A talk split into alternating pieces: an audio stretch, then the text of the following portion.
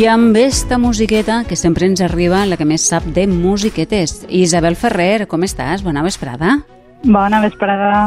Així, amb ganes Com ja anem? de parlar amb, Amb vosaltres. ganes.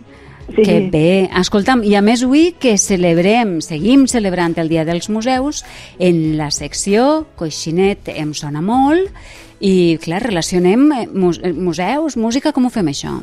Sí, parlarem dels museus de o sobre música, perquè encara que Ah. parega una cosa que tenim molt assumida, que poden existir museus de qualsevol cosa, eh, que poden existir, i realment n'hi ha de molt variats, és més, els museus eh, en relació a la música és més complicat del que pareix, perquè els museus, a priori, estan pensats per a exhibir objectes, no sons. És, bueno, jo no conec un museu que siguin tots sons. Eh, Per Mm. tant, els museus de música el que acostumen a fer és a mostrar objectes sobre música, però han hagut de passar molts anys per a que pogueren també ensenyar sons si no eren directe, no hi havia prou tecnologia. Clar, un museu del so de, deu ser una cosa prou complicada, no? Sí, tot aquí eh, la cosa va avançant i cada dia hi ha sistemes eh, nous, alguns més, més eh, que avui ja ens, ja ens comencen a semblar del passat, com auriculars o audiovisuals, però ara ja fins i tot hi ha una, una espècie de sensors de moviment que quan passes per davant d'un determinat instrument o, o s'activen i sona el que estàs escoltant en aquest lloc. I bé, i més coses que, que segurament aniran evolucionant en aquest sentit. I tant, entenem que sí. Eh, de tota manera, eh, jo em pregunte, eh, d'on ve la idea de, de muntar un museu de la música d'una cosa que no es pot veure? Bueno, d'això ja fa prou temps perquè de la mateixa manera que qualsevol altre, altre procés, els museus en general, no només és de música, no naixen del no-res, sinó que com moltes altres coses eh, es relacionen amb, amb els contexts en, en, de, de determinats moments històrics.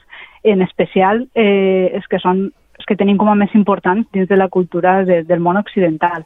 Aleshores, per entendre un poc com funciona aquesta història dels museus, hem de viatjar fins als segles XV i XVI i per ambientar-nos un poquet, escoltem música d'aquell moment relacionada amb tot el que estem explicant. Vinga.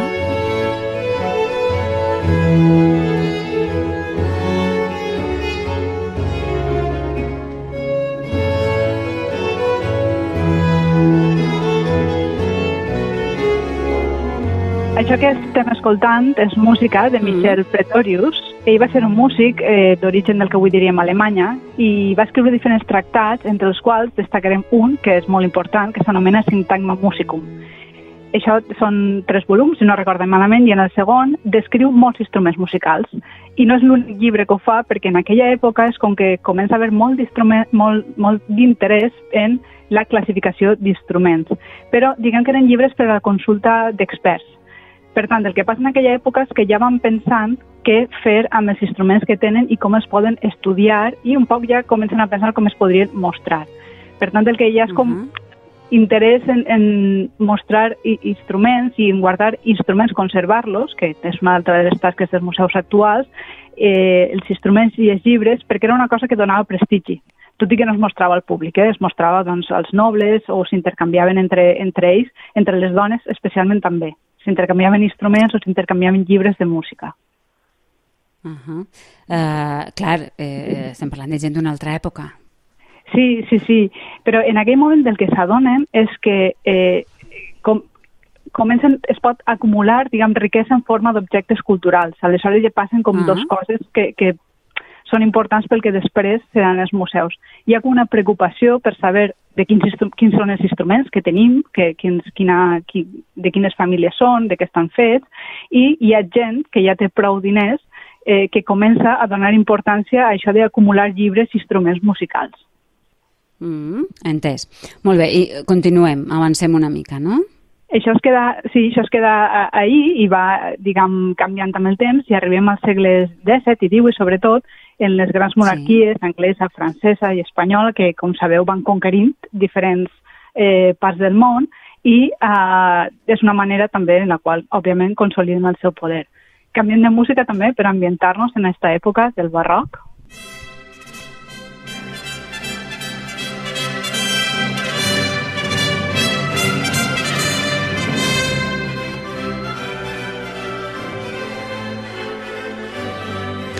Esta sí que sona com a, com a molt potent, no? Fa Sí, pensar sí. en imperi. Això és Mhm. l'Uli, que va ser el, el músic del Rei Sol, que és una, una de les Ah. personalitats que, que va construir més infraestructures modernes de, de poder per a, per a relacionar el que era la monarquia i l'art. És a dir, per a validar quin art eh, funcionava millor un poc per a reforçar el seu poder. Aleshores, eh, tornen a aparèixer com dos processos que ajuden a la construcció dels museus. Per, conservar eh, coses relacionades a la música dona poder a la monarquia i al mateix temps al país o imperi en, en estos casos.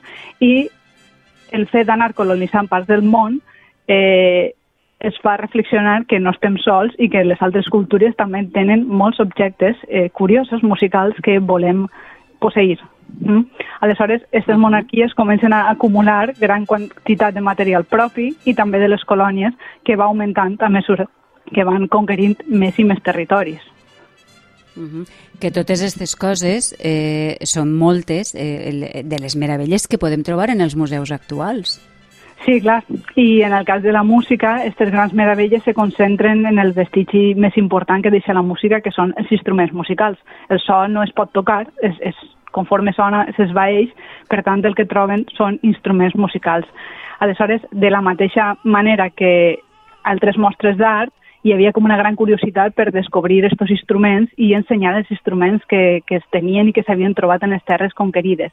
I va néixer un altre interès, que era com classificar-los, com, eh, com classificar-los de la mateixa manera que classificaries qualsevol altra, altra cosa científica. I això té un nom que s'anomena, és un nom un poc complicat i s'anomena organologia. Toa, organologia. Sí, un nom, Organologia, caram, no ho havia sentit mai? Sí, és un nom així molt rimbombant, però es, es fa referència a la branca d'estudi que, que analitza i classifica els instruments musicals i quina és la seva funció social. Aleshores, Mm. va ser una de les coses que més va impulsar el naixement de, dels museus. És a dir, ja hem acumulat gran quantitat de material, ara volem mostrar-lo, però com el mostrem? Al principi es mostrava un poc aleatòriament, però alguns directors de museus van començar a sentir la necessitat que els havien de classificar d'alguna forma per exposar-los més clarament, perquè si no no tenia, no tenia molt de sentit. Clar. Uh -huh. eh, i, I, per exemple, escolta'm, un criteri d'ordre històric també seria, no?, de, de més vell a més nou. Exacte, és una possibilitat vàlida, però això en el cas dels instruments no sempre és possible, perquè no sempre hi ha com aquesta evolució tan clara.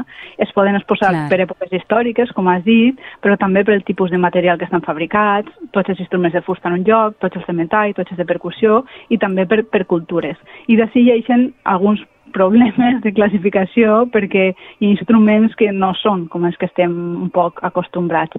Si voleu, escoltem un que dona molts problemes de classificació, que és una arpa de boca, Mhm. que és una espècie de metall en forma de tisores que té com una llengüeta que es posa dins de la boca i s'activa amb la mà, de forma que amb la vibració de la llengüeta s'amplifica amb la boca i fa este soroll tan curiós que escoltem. Ui!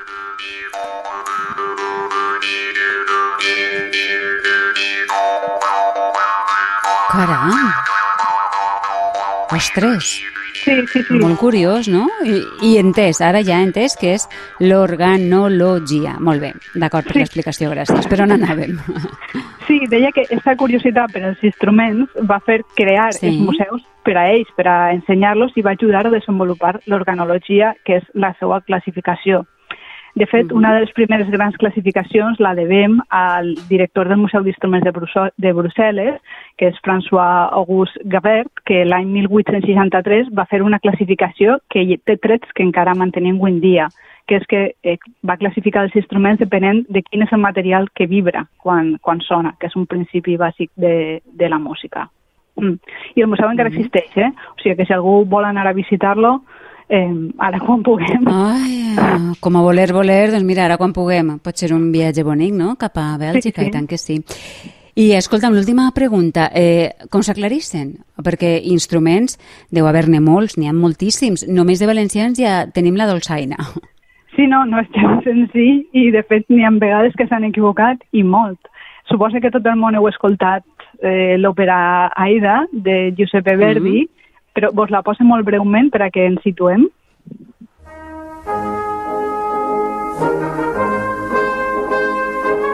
Ta, ta, ta, ta, ta, ta. Això tot el món ho coneix, és molt famós, mm. doncs esta sí. eh, òpera pues, l'he posat perquè és un exemple mm, d'aquestes situacions un poc còmiques fins i tot. I això es va estrenar l'any 1871 en el Caire perquè Aida està ambientada en l'antic Egipte, les seues piràmides, faraons, etc. Verdi, el compositor, es va interessar moltíssim en que tots el vestuari i els instruments musicals que apareixien en l'escenografia de l'òpera foren reals i estigueren basats en les excavacions i, i, i bueno, cal dir-ho, espolis que els europeus estaven fent en Egipte. El tema és que alguns d'aquests instruments que varen trobar acabaren tenint una funcionalitat molt diferent a l'original. Trobaren com una espècie de peu de siri, sí, com una espècie de, de, bueno, sí, de trompeta allargada, que sí. la campana de la trompeta eh, era, anava en terra i damunt es posaria el siri, que això aniria en un altar. Però quan ho trobaren, varen pensar que això era una trompeta. Per tant, moltes de les trompetes que varen fer per a, per a l'òpera i alguns dels instruments tenien este tipus d'error, entre cometes, d'haver-li canviat la funcionalitat a l'objecte. És a dir, no era una trompeta, era un peu d'altar. I el més curiós de tot és que aquest tipus de coses han passat a formar part del nostre imaginari d'aquelles cultures i està bé reflexionar-ho, perquè ens ensenyen també que el gran desconeixement que tenim d'altres parts de, del món o de cultures antigues. Mm, clar, però això no passa només amb els instruments musicals ni amb les cultures antigues. No, desafortunadament en, en els museus passa sovint, i en la música també, que moltes vegades els instruments no van sols, sinó que van acompanyats de, de rituals socials, de, de, de performance, d'escenaris, de, de vestuari, de moltes coses que, que exposats perden aquest sentit. Poso un exemple molt ràpid, una guitarra pot servir per a infinitat de músiques diferents, eh, des d'un concert de música clàssica fins a un cant flamenc però quan veiem l'instrument això ens ho han d'explicar. L'instrument a soles no ens explica quina, quina és la història que hi ha al darrere. Efectivament, i tant. I Isabel, per acabar, eh, tu a, a, a quin museu de la música aniries? Quin triaries? No, és una pregunta fàcil perquè he fet una cerca senzilla per internet i he trobat sí. una pàgina bueno, de la Viquipèdia que podeu consultar on diu que com a mínim hi ha 63 països en el món que tenen algun museu de la música Només a l'estat espanyol n'hi ha 30 de diferents, perquè no només uh -huh. es comptabilitzen els de la música en general, que jo crec que l'únic que hi ha està a Barcelona, sinó també els dedicats a compositors o els dedicats a intèrprets, i no només en yeah. música clàssica. Així que així proper tenim, per exemple, la Casa Museu dedicada a Concha Piquer, en València, uh -huh. la dedicada a Nino Bramo, en Ayala de Malferit, i més avall, vora Alacant, podem trobar un museu de música ètnica que hi ha al poble de Pussot. I com ara no podem viatjar molt, jo crec que en, en, en estos ja tenim unes quantes jornades de, de visita a museus musicals ja fetes. Molt bé.